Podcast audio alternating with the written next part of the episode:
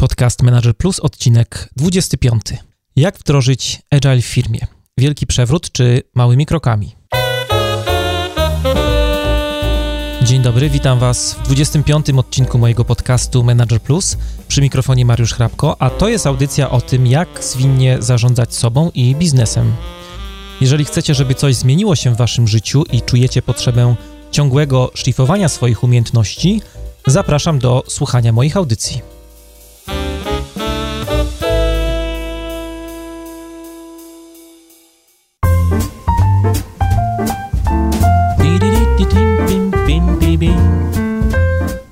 No i co, święta minęły.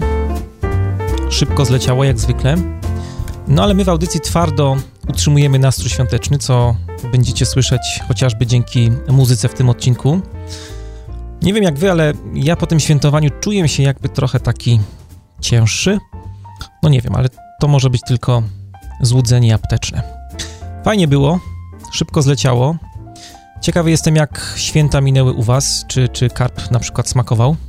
Jeżeli chcecie, możecie skrobnąć do mnie maila na mariuszchrapko.com kośnik kontakt.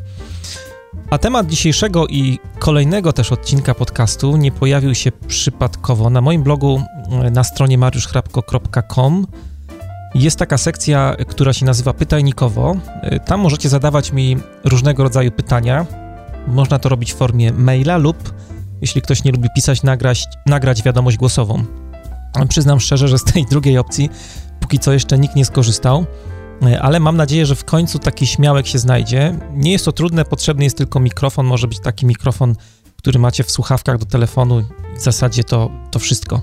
E, dla autorów najciekawszych pytań i pomysłów, które pojawią się na moim blogu lub podcaście, czekają fajne nagrody. Tym razem e, jest to książka Metoda Lean Startup Erika Risa, która została ufundowana przez wydawnictwo Helion OnePress. Y, książka trafia do Wojtka, który zadał mi serię pytań na temat zwinnej transformacji. Zanim jednak odpowiem na te pytania, wcześniej poradnikowo.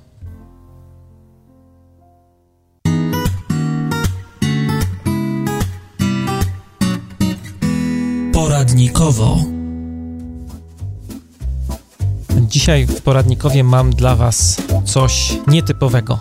Y, ostatnio zacząłem się dość intensywnie wgłębiać, wgryzać w temat fotografii cyfrowej. Y, zacząłem też szukać jakiegoś dobrego przewodnika czy poradnika online, takiego, który y, dałby mi trochę inspiracji na temat tego, jak robić fajne, ciekawe zdjęcia, ale też dzięki którym mógłbym się nauczyć jakichś tam sztuczek czy technik fotografii cyfrowej.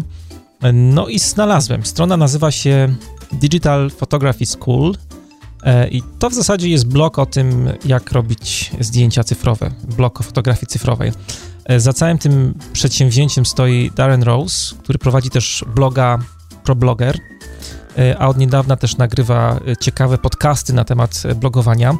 Na stronie Digital Photography School znajdziecie sporo naprawdę ciekawych, przydatnych informacji na temat tego, na przykład jaki aparat wybrać, czy Nikon, czy Canon, E, jak wyposażyć się w cały dodatkowy osprzęt, który Wam może ułatwić fotografowanie. E, jest to na pewno strona zarówno dla amatorów, jak i dla profesjonalistów. Dla mnie tam było dużo takich ciekawych informacji, wskazówek na temat tego, jak robić różne dziwne e, zdjęcia. Na przykład dowiedziałem się, jak można fajnie fotografować zdjęcia dymu. Nie wiem, czy zastanawialiście się kiedyś, jak na przykład sfotografować dym e, liści, które gdzieś tam są palone w ogrodzie, albo dym e, z papierosa, e, czy na przykład jak fotografować dzieci. To też niby prosta rzecz, ale wcale w praktyce nie jest to takie, takie łatwe.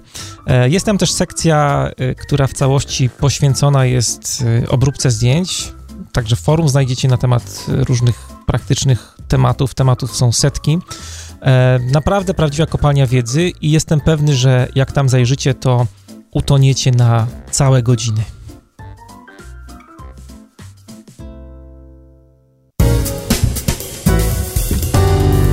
Teraz temat przewodni.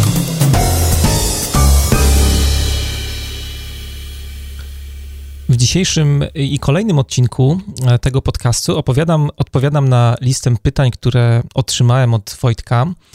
Wszystkie dotyczą tematu zwinnej transformacji, tak jak już to zapowiadałem na początku. Wojtek napisał do mnie takiego maila. Hej Mariusz, w nawiązaniu do akcji pytajnikowo przesyłam pytania, które od dłuższego czasu mnie męczą. Dotyczą głównie procesu wdrażania i rozruszania skrama w organizacji. Teorię znam, praktyki się uczę. Twoja wiedza i doświadczenie dla mnie i na pewno dla innych słuchaczy będzie bezcenna. E, sytuacja wyjściowa wygląda tak. Młoda, mała, 30-osobowa firma, software house, wiele różnorodnych projektów, większych i mniejszych, brak konkretnej metody czy po prostu spójnego podejścia do zarządzania projektami. Uczymy się każdego dnia, szukamy rozwiązań, korzystamy z doświadczeń pracowników. Jest decyzja, wdrażamy Scrama. Kilku programistów pracowało w pseudoskramie, kilka osób ma jako takie pojęcie o tej metodzie. Większość jednak nie wie o Scrumie zupełnie nic. Jak krok po kroku zabrać się za wdrożenie Scrama w firmie? Od czego zacząć? Jaki Twoim zdaniem powinien być pierwszy krok? E, rewolucja czy ewolucja? Zrobić wielki przewrót, czy raczej wprowadzać Scrama małymi krokami? Jakie są największe pułapki i przyczyny niepowodzeń? Po czym poznać, że wdrożenie zakończyło się sukcesem? E, jak pracować z programistami, którzy są przyzwyczajeni do klasycznego podejścia, a Scrum jest im obcy? Jestem świadom, że moje pytania to temat rzeka, pewnie dałoby się z nich zrobić kilka artykułów i podcastów. Będę wdzięczny za każdy fragment przekazanej wiedzy. No tak, z pewnością pytań jest e, sporo. E, Wojtek, wystrzeliłeś tutaj serię e, z Kałasznikowa, dlatego postanowiłem zrobić z tego aż dwie audycje. Dzisiaj skupię się na tym, jaki model wdrożenia Agile w firmie wybrać. Czy robić to powoli, tak jak pytałeś, czy raczej zdecydować się na wielki przewrót. Zanim zaczniemy, mam trzy takie ważne uwagi. Pierwsza z nich dotyczy e, tego, że wdrożenie Agile w firmie, w organizacji to jest naprawdę gruba rzecz. Jest to zmiana, która wymaga zaangażowania zarówno wyższego kierownictwa, jak i szeregowych pracowników, osób, które pracują w zespołach projektowych i musicie do tego podejść naprawdę serio. Podczas e, prowadzenia projektów wdrożeniowych miałem do czynienia zarówno z tym pierwszym podejściem, czyli z takim podejściem top-down, jak to się mówi, mówi, y, czyli y, podejście góra-dół, jak i tym podejściem dół-góra, od dołu do góry. Żadne z nich nie jest wystarczające, żeby wdrożenie Agile w firmie się faktycznie udało. W pierwszym przypadku e, w podejściu góra-dół mamy silnych liderów na pewno, mamy e, duże zaangażowanie kadry kierowniczej, ale zmiana bez wsparcia pracowników mam nikłe szanse na, na powodzenie. Podobnie zresztą w drugą stronę. Jeżeli pracownicy bardzo chcą, a góra nie chce, e, możecie zapomnieć o sukcesie takiego wdrożenia. To jest podejście, które e, też przerabiałem, e, podobnie jak to pierwsze podejście. I ciągle spotykam firmy, pracowników, którzy trochę tak naiwnie wierzą, że jak pokażą, że w ich zespole Scrum działa, to cała ta zmiana rozejdzie się po całej firmie, cały ten pomysł zarażą tą dobrą energię wszystkich pracowników i, i też kadrę kierowniczą w całej organizacji. Niestety w praktyce tak nie jest. Sukces zwinnej transformacji zależy od wymieszania, od takiego miksu tych dwóch podejść. Potrzebujecie zarówno zaangażowania ze strony kadry kierowniczej, ze strony waszych liderów, menedżerów, jak i również e, zaangażowanie od strony tej takiej oddolnej, od strony y, szeregowych pracowników. To była pierwsza uwaga. Druga rzecz, o której chciałem Wam powiedzieć, e, związana ze zwinną transformacją, jest taka, że efekt końcowy takiego wdrożenia jest e, trudno przewidywalny. Oczywiście to nie jest tak, że transformacji nie da się zaplanować. Transformację się planuje jak najbardziej i e, w kolejnym odcinku pokażę Wam, jak ja to robię, ale siłą rzeczy nie jesteście w stanie przewidzieć skutków e, swojego działania, skutków tej zmiany, którą e, wprowadzacie do firmy, jak e, to, co zmieniacie, jak to, co robicie, wpłynie na całą organizację. Czy to będzie dalej ta sama firma, czy, czy już nie? Bardzo lubię taki cytat, którego, którego autorem jest Christopher Avery. Polecam Wam przy okazji jego stronę christopheravery.com. E, dołączę ją w materiałach do e, dzisiejszej audycji. E, ja bardzo lubię tego pana za wszystko, co mówi o przywództwie służebnym, o tym, jaka jest rola liderów, zwinnych liderów dzisiaj, ale szczególnie też za to, że zawsze ma na uwadze perspektywę systemową, kiedy mówi o właśnie liderach, kiedy mówi o firmie, ma gdzieś tam w tyle głowy to myślenie systemowe. E, jeden z takich cytatów, który, który bardzo mi się podoba, którego autorem jest właśnie Christopher Avery, mówi, że nigdy nie możemy sterować żywym systemem. Co najwyżej możemy przeszkadzać, możemy go obserwować, ale nie znamy wszystkich sił, które e, kształtują organizację, a które chcielibyśmy zmienić. I tak naprawdę jedyne, co możemy zrobić, to eksperymentować z siłą, na którą wydaje nam się, że mamy wpływ i obserwować, co się stanie. I zwinna transformacja polega na takim właśnie mm, szarpaniu organizacji, obserwowaniu, jak ta organizacja się zachowa. To jest takie ciągłe eksperymentowanie z różnego rodzaju napięciami, które w organizacji się pojawiają, i dzięki tym napięciom i ich rozwiązywaniu ta organizacja się rozwija. Bardzo lubię to pojęcie napięcia. E, po raz pierwszy e, o tym pojęciu przeczytałem w książce e, Piąta dyscyplina Petera Zenge i przez napięcie należy tutaj rozumieć pewnego rodzaju poczucie czy świadomość rozdźwięku między tym, co jest, czyli bieżącą rzeczywistością, a pewną wizją, czyli tym, jak chcielibyśmy, jak chcielibyście, żeby było. Ten rozdźwięk między tym, co jest, między rzeczywistością, jest źródłem bardzo dużej energii, takiej twórczej energii, która bardzo pomaga też w rozwijaniu organizacji. I to szarpanie organizacji, to szarpanie firmy, takie, takie próbowanie czy eksperymentowanie tych różnych zmian, koniec końców prowadzi do ewolucyjnego budowania firmy. E, po prostu eliminujemy jedno napięcie za drugim i w zasadzie w ten sposób ciągle jakby rozwijamy, rozwijamy organizację. Zwinna transformacja, musicie pamiętać o tym, nie jest takim typowym projektem zarządzania zmianą.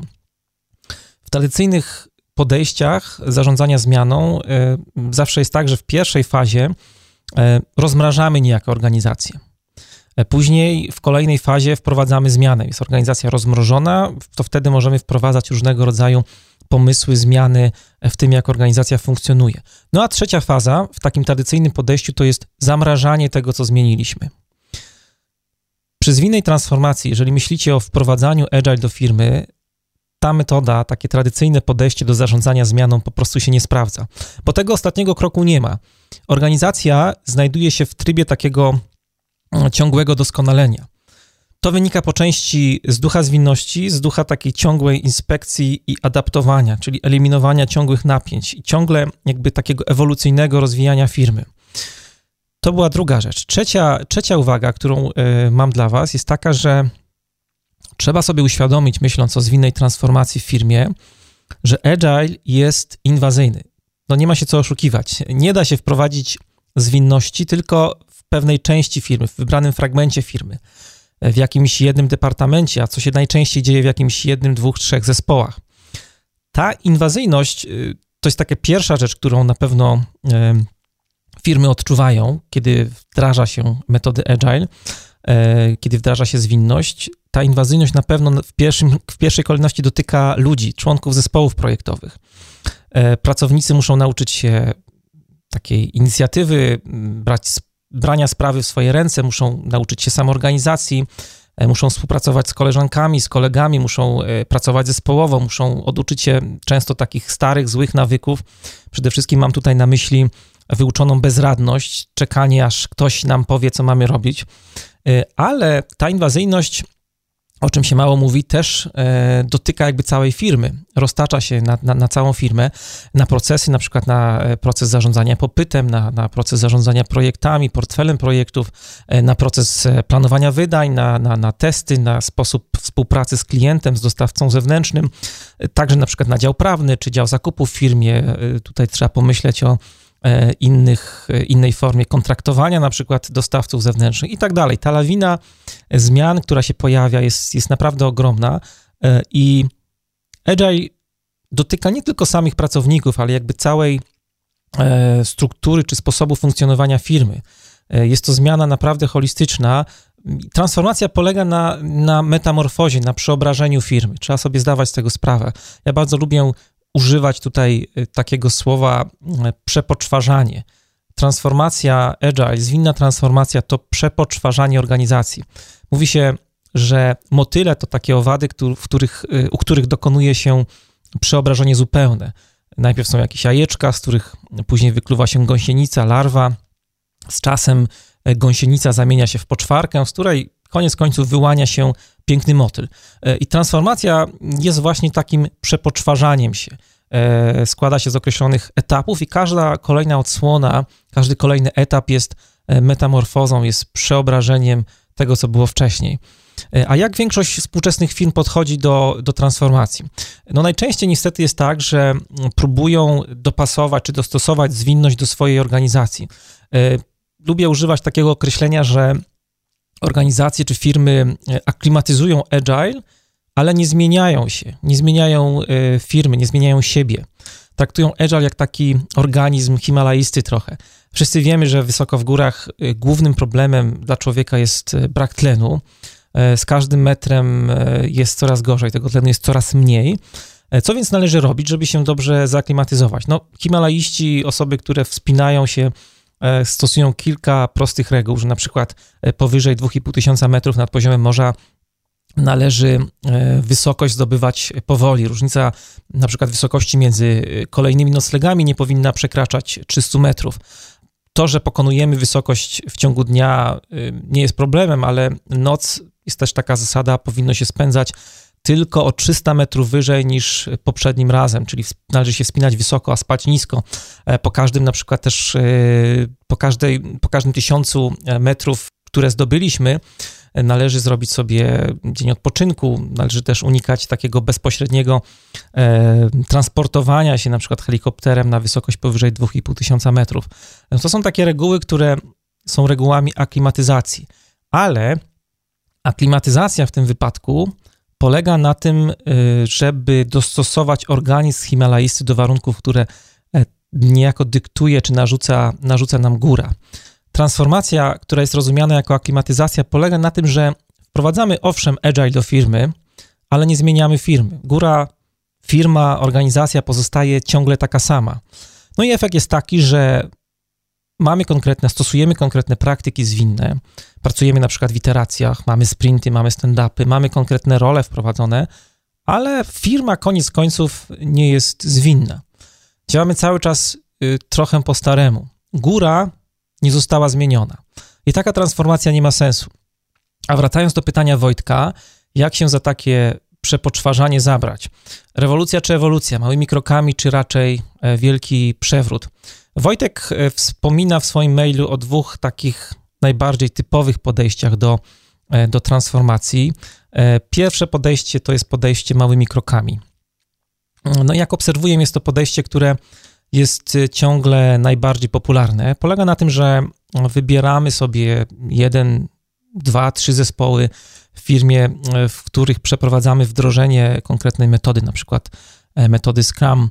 E, można tutaj stosować też różne wariacje tego, tego podejścia, na przykład czekać aż e, pierwsze zespoły zakończą projekt i uruchamiać kolejne, ale można też zrobić tak, że już po pierwszych dwóch, trzech sprintach uruchamiacie kolejne zespoły. To jest pierwsze podejście małymi krokami, a drugie podejście to jest podejście, które nazywam szeroką ławą e, albo właśnie wielkim przewrotem. Jest to podejście wielkiego przewrotu, Big Bangu. E, jak się domyślacie, w tym podejściu startujemy wszyscy naraz i przyznam, że mało jest przykładów firm, które decydują się na taki odważny, można powiedzieć, krok. Jedną z firm, o której y, przy tej okazji się, przy okazji takiego wielkiego przewrotu, tego pomysłu na transformację, dość często się mówi, jest e, na pewno firma Salesforce. Ta firma praktycznie z dnia na dzień wdrożyła Scrama w swoich 35 zespołów, zespołach było to dość dawno temu, można powiedzieć, bo był to rok 2007 i do dzisiaj mm, ta firma korzysta y, z metod Agile. Możecie wejść na, na, na bloga e, firmy Salesforce, tam jest dużo też artykułów na temat e, stosowania mm, metod Agile, ale też e, stosują filozofię Lean w ogóle do zarządzania produktem, także możecie też na ten temat na blogu firmy Salesforce poczytać. Mm, sukces takiej zmiany w dużym stopniu jeżeli mówimy o takim wielkim przewrocie, e, na pewno zależy od kultury organizacyjnej firmy. To jest temat, który, o którym dużo się mówi. E, w kolejnym odcinku też e, trochę na ten temat Wam powiem. Wszystkie firmy, które wprowadzają zmiany na taką skalę, w zasadzie z dnia na dzień, muszą mieć odpowiednie zaplecze kulturowe, żeby ta zmiana, ta transformacja się udała. E, kultura organizacyjna to tak w dużym skrócie można powiedzieć, że to zbiór pewnych wartości, w którą e, pracownicy wierzą, wyznają, to pewne style przywództwa, które są stosowane, to, to pewien specyficzny język, to, to, to pewne symbole. E, od jakiegoś czasu bardzo głośno mówi się o wdrożeniu holakracji w firmie Zapos. Mm, dlatego głośno, że Zapos jest firmą, która liczy około 1500 pracowników i tam wdrożenie holakracji było możliwe, bo w dużym stopniu y, miała też ta holakracja miała bardzo takie, takie mm, przyjemne e, podłoże w postaci właśnie specyficznej kultury organizacyjnej, sprzyjające podłoże. E, I tutaj odsyłam was do strony zapos.com, gdzie w kilku punktach e, znajdziecie opis kultury organizacyjnej tej firmy. No i zobaczycie, jak bardzo ta kultura różni się od kultury, którą spotykamy w tradycyjnych organizacjach, w zasadzie w większości współczesnych firm, korporacji. I tam to było możliwe w dużym stopniu ta zmiana dzięki tej takiej sprzyjającej kulturze e, organizacyjnej. Co przemawia za podejściem małymi krokami? Tu podam Wam kilka takich e, rzeczy, które e, warto wziąć pod uwagę. Przede wszystkim, jakby pierwszy argument za tym takim podejściem kroczącym, nazwijmy go, ewolucyjnym, jest to, że to podejście mało kosztuje. Wdrożenie y, na szeroką ławę, sposobem na szeroką ławę wymaga bardzo dobrego, wcześniejszego przygotowania, e, zatrudnienia zewnętrznych, na przykład konsultantów, trenerów, scrum masterów, którzy pomogą wam uruchomić zmianę od samego początku, bo musicie y, zdawać sobie sprawę z tego, że na samym starcie, kiedy myślicie o szerokiej ławie, nie ma wiedzy na temat e, metod zwinnych, na temat stosowania tych metod w organizacji, e, nie ma wiedzy na temat, jak powinno się to robić.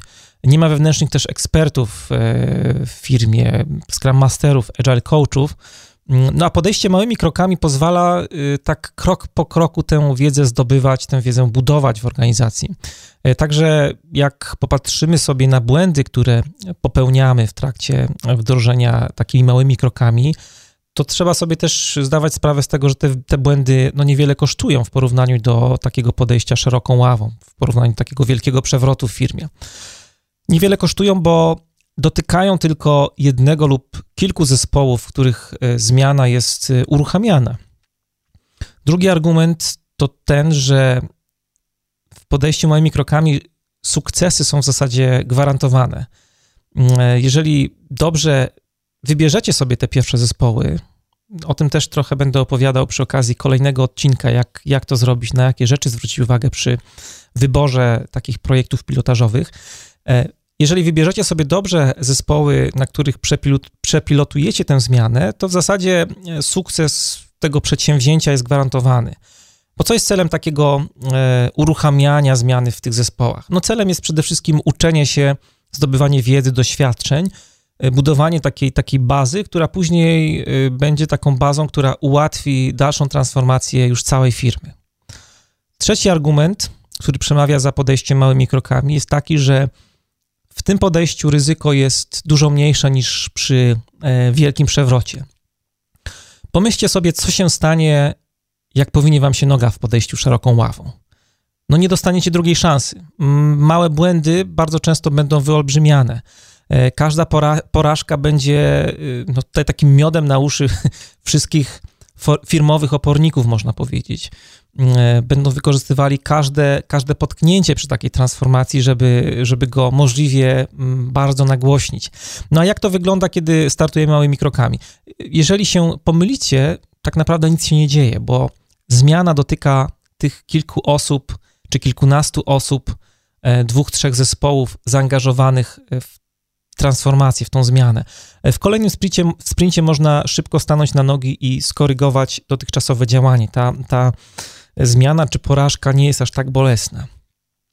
No i trzeba wspomnieć y, tutaj, że za tym podejściem takim małymi krokami, kroczącym, przemawia też to, że stres pracowników jest dużo mniejszy w porównaniu do takiego wielkiego przewrotu.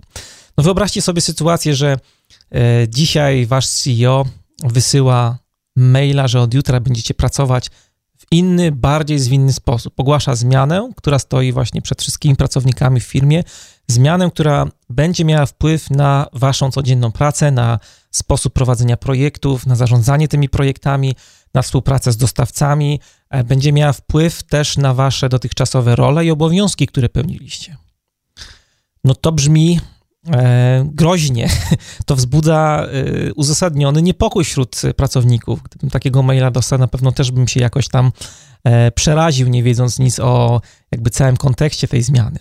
E, takie informacje mogą mrozić krew w żyłach, mm, a podejście małymi krokami, tutaj ten stres jest dużo mniejszy, bo ludzie, którzy brali udział w początkowym eksperymencie, pracowali w tych pierwszych zespołach agile'owych, stają się agentami zmiany w całej firmie. To jest bardzo, to jest bardzo ważna, przydatna rola takiego agenta zmiany, bo oni budują takie zaplecze, przygotowują grunt pod e, większą zmianę i później osoby zaangażowane w cały proces transformacji, bardzo fajnie takie osoby mogą, e, w cudzym słowie oczywiście, wykorzystać do tego, żeby promować ideę zmiany w całej organizacji. I ostatni argument, który przemawia za e, podejściem małymi krokami, argument dość ważny, to ten, że małe kroki, transformacja małymi krokami nie wymaga reorganizacji firmy. Mówiłem wcześniej, że Agile jest bardzo inwazyjny i sukces wdrożenia tej filozofii pracy zależy od stworzenia odpowiednich warunków na poziomie całej organizacji. Wymaga zmiany systemu operacyjnego firmy. To jest też bardzo fajna metafora, którą, którą bardzo lubię używać. Każda firma ma taki swój system operacyjny. System operacyjny, w którym są różnego rodzaju aplikacje, które funkcjonują w ramach tego systemu y, operacyjnego. To jest dokładnie tak jak z komórkami. Y, jest system Android na przykład, jest system iOS. Jeżeli będziecie próbować wgrać aplikację z Androida na aplikację y, na przykład na iPhone'a, no to szybko zobaczycie, że coś tutaj nie żre, jak to się ładnie mówi. E, nie ma tutaj synchronizacji. Te, te, te aplikacje po prostu nie działają pod innym systemem operacyjnym niż pod tym, pod który zostały napisane. Podobnie z organizacją. Scrum, Kanban, e, Feature Driven Development, wszystkie metody, które są określane metodami Agile, to są aplikacje, które zostały napisane pod konkretny system operacyjny firmy. I transformacja zwinna polega na zmianie systemu, który y, wiąże się z tradycyjnym funkcjonowaniem organizacji. Podejście szeroką ławą zakłada zmianę tego systemu, który wiąże się z reorganizacją firmy. E, ta reorganizacja też następuje w przypadku podejścia małymi krokami, e, ale ten proces jest dużo, dużo wolniejszy i bardziej rozłożony w czasie. W związku z tym też e, stres i ten niepokój pracowników, o którym wcześniej mówiłem, też jest bardziej rozłożony, rozłożony w czasie. Co przemawia z kolei za wdrażaniem szeroką ławą? Też są tutaj argumenty, które też są na korzyść tego drugiego podejścia. No na pewno trzeba powiedzieć o tym, że jest mniejszy opór pracowników. Bo w podejściu szeroką ławą wszyscy na 3-4, można powiedzieć, skaczą do tej samej wody. Opór i tak będzie, tego nie unikniecie na pewno, bo każda zmiana wiąże się z jakimś właśnie oporem ze strony pracowników. Część pracowników na pewno będzie się tutaj też buntować, ale ich głos trochę zginie, będzie mniej słyszany w tłumie pozostałych osób, które też wejdą w zmianę, no bo w zmianę wchodzimy jakby na 3-4 wszyscy naraz. Wszyscy wiedzą, że skoro zmiana ruszyła, to nie ma już odwrotu. Wóz albo przewóz. Trzeciej drogi nie ma. To jest pierwsza rzecz, pierwszy e, argument za tym, żeby takie podejście zastosować. A druga rzecz – to jest zlikwidowanie schizofrenii w pracy zespołów.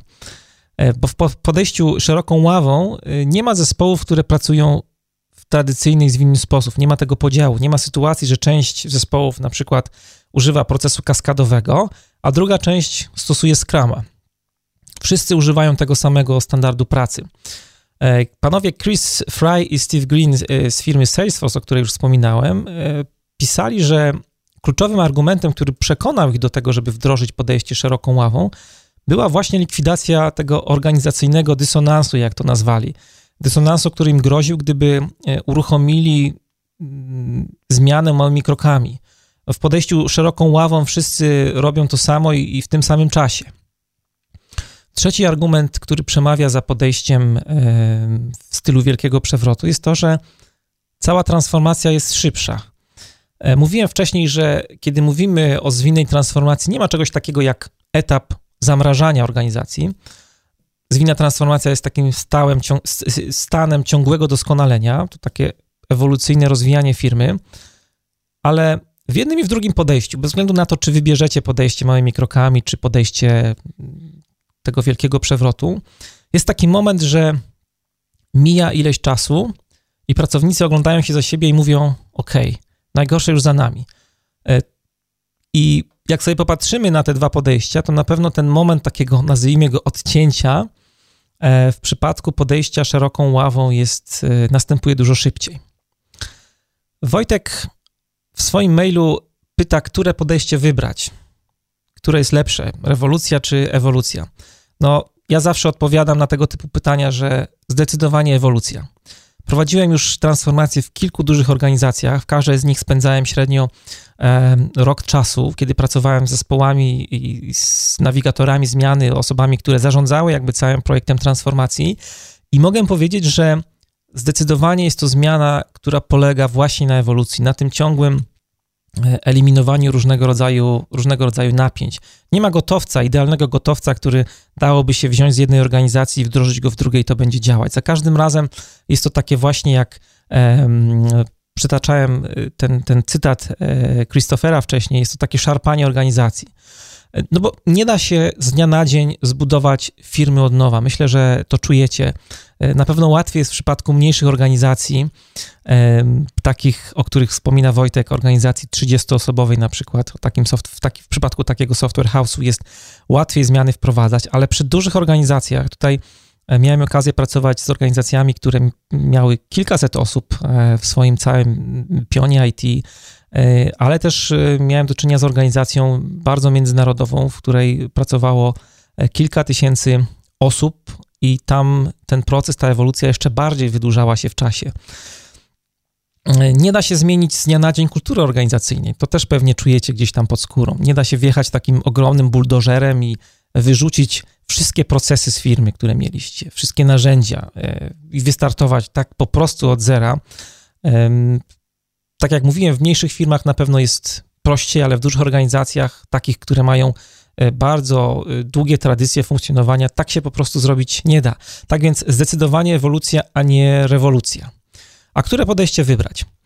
No ja zawsze stosuję to pierwsze. E, może nie w takiej czystej postaci, stosuję pewną wariację, można powiedzieć, tego pierwszego podejścia, ale jednak jest to podejście takie kroczące, kiedy wprowadzamy zmianę małymi krokami właśnie na zasadzie ewolucji, a nie rewolucji, nie, nie na zasadzie wielkiego przewrotu. W dużym skrócie, bo będę mówił o tym w kolejnym odcinku, E, w którym krok po kroku opiszę Wam, jak ja to robię w firmach. E, w dużym skrócie, najpierw uruchamiamy trzy, maksymalnie pięć zespołów pilotażowych, które pełnią rolę trochę takich królików doświadczalnych, na których e, testujemy, eksperymentujemy właśnie te zmiany, które składają się na pewien model tego nowego systemu operacyjnego firmy. I te zespoły najczęściej pracują przez okres trzech, maksymalnie pięciu miesięcy. E, po tym okresie jest ewaluacja e, tego pilotażu. Zazwyczaj jest to taka e, duża retrospektywa, w której biorą udział wszyscy członkowie zespołów. Taka retrospektywa trwa zazwyczaj pół dnia, później drugie pół dnia to jest planowanie tego, co dalej, jakby to miało wyglądać, ewentualnie korygowanie planu działania, który gdzieś tam się pojawił. No i jakby kolejnym, kolejnym etapem jest uruchamianie zmian w całej organizacji. I tutaj bardzo ważna rzecz, bardzo ważna uwaga, ta, to wdrożenie w całej organizacji, czyli jakby ten kolejny etap, o którym mówiłem przed chwilą, nie wygląda tak, że jest to też wielki przewrót. To nie jest też wdrożenie szeroką ławą. Ja tutaj stosuję podejście takie iteracyjno-przyrostowe. E, średnio co 2-3 miesiące e, są uruchamiane kolejne zespoły. Oczywiście nie robię tego sam, e, zawsze pracuję tutaj przy takich dużych transformacjach z zespołem kilku agile coachów dodatkowych, którzy pracują razem ze mną nad wsparciem organizacji w procesie zwinnej transformacji. Ci agile coachowie pracują bardzo operacyjnie na poziomie zespołów skramowych, pomagają wystartować, pomagają wejść w rolę nowym Scrum Masterom, nowym Product Ownerom, E, pomagają też tym zespołom odnaleźć się w tej nowej, zwinnej rzeczywistości, nowych procesach, narzędziach, czasami też w nowej strukturze organizacyjnej. Tym wszystkim, co składa się na nowy system operacyjny firmy, jest takie słowo, które e, słabo się tłumaczy na język polski, też pomagają jakby ogarnąć cały ten governance, zwinny governance firmy. E, brzmi to dziwnie, zdaję sobie sprawę, ale to słowo tutaj bardzo dobrze pasuje. I tak to w dużym skrócie wygląda. W następnym odcinku opowiem Wam krok po kroku, jak zabrać się za przygotowanie i wdrożenie takiej programu, takiej zwinnej transformacji w firmie. Pokażę Wam, jak wygląda mój przepis na zwinną transformację. A materiały do dzisiejszej audycji są do pobrania na stronie mariuszchrapko.com kośnik 25.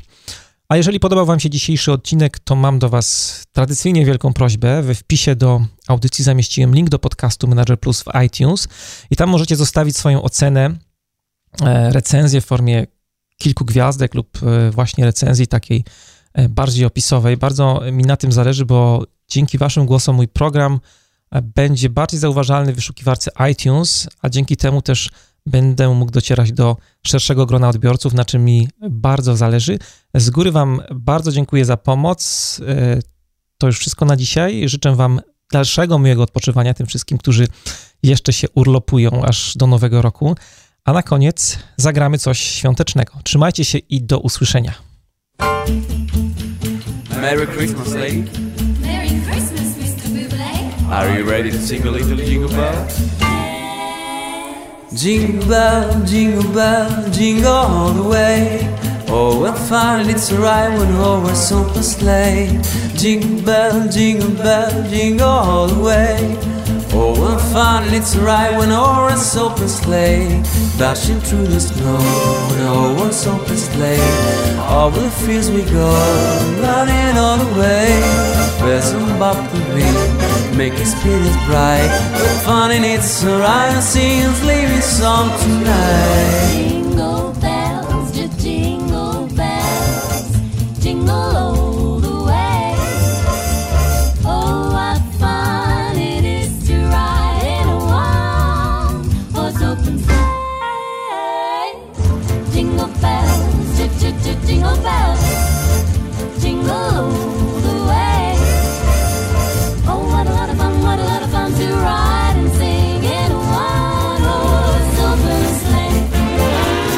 Dashing through the snow when I horse open sleigh.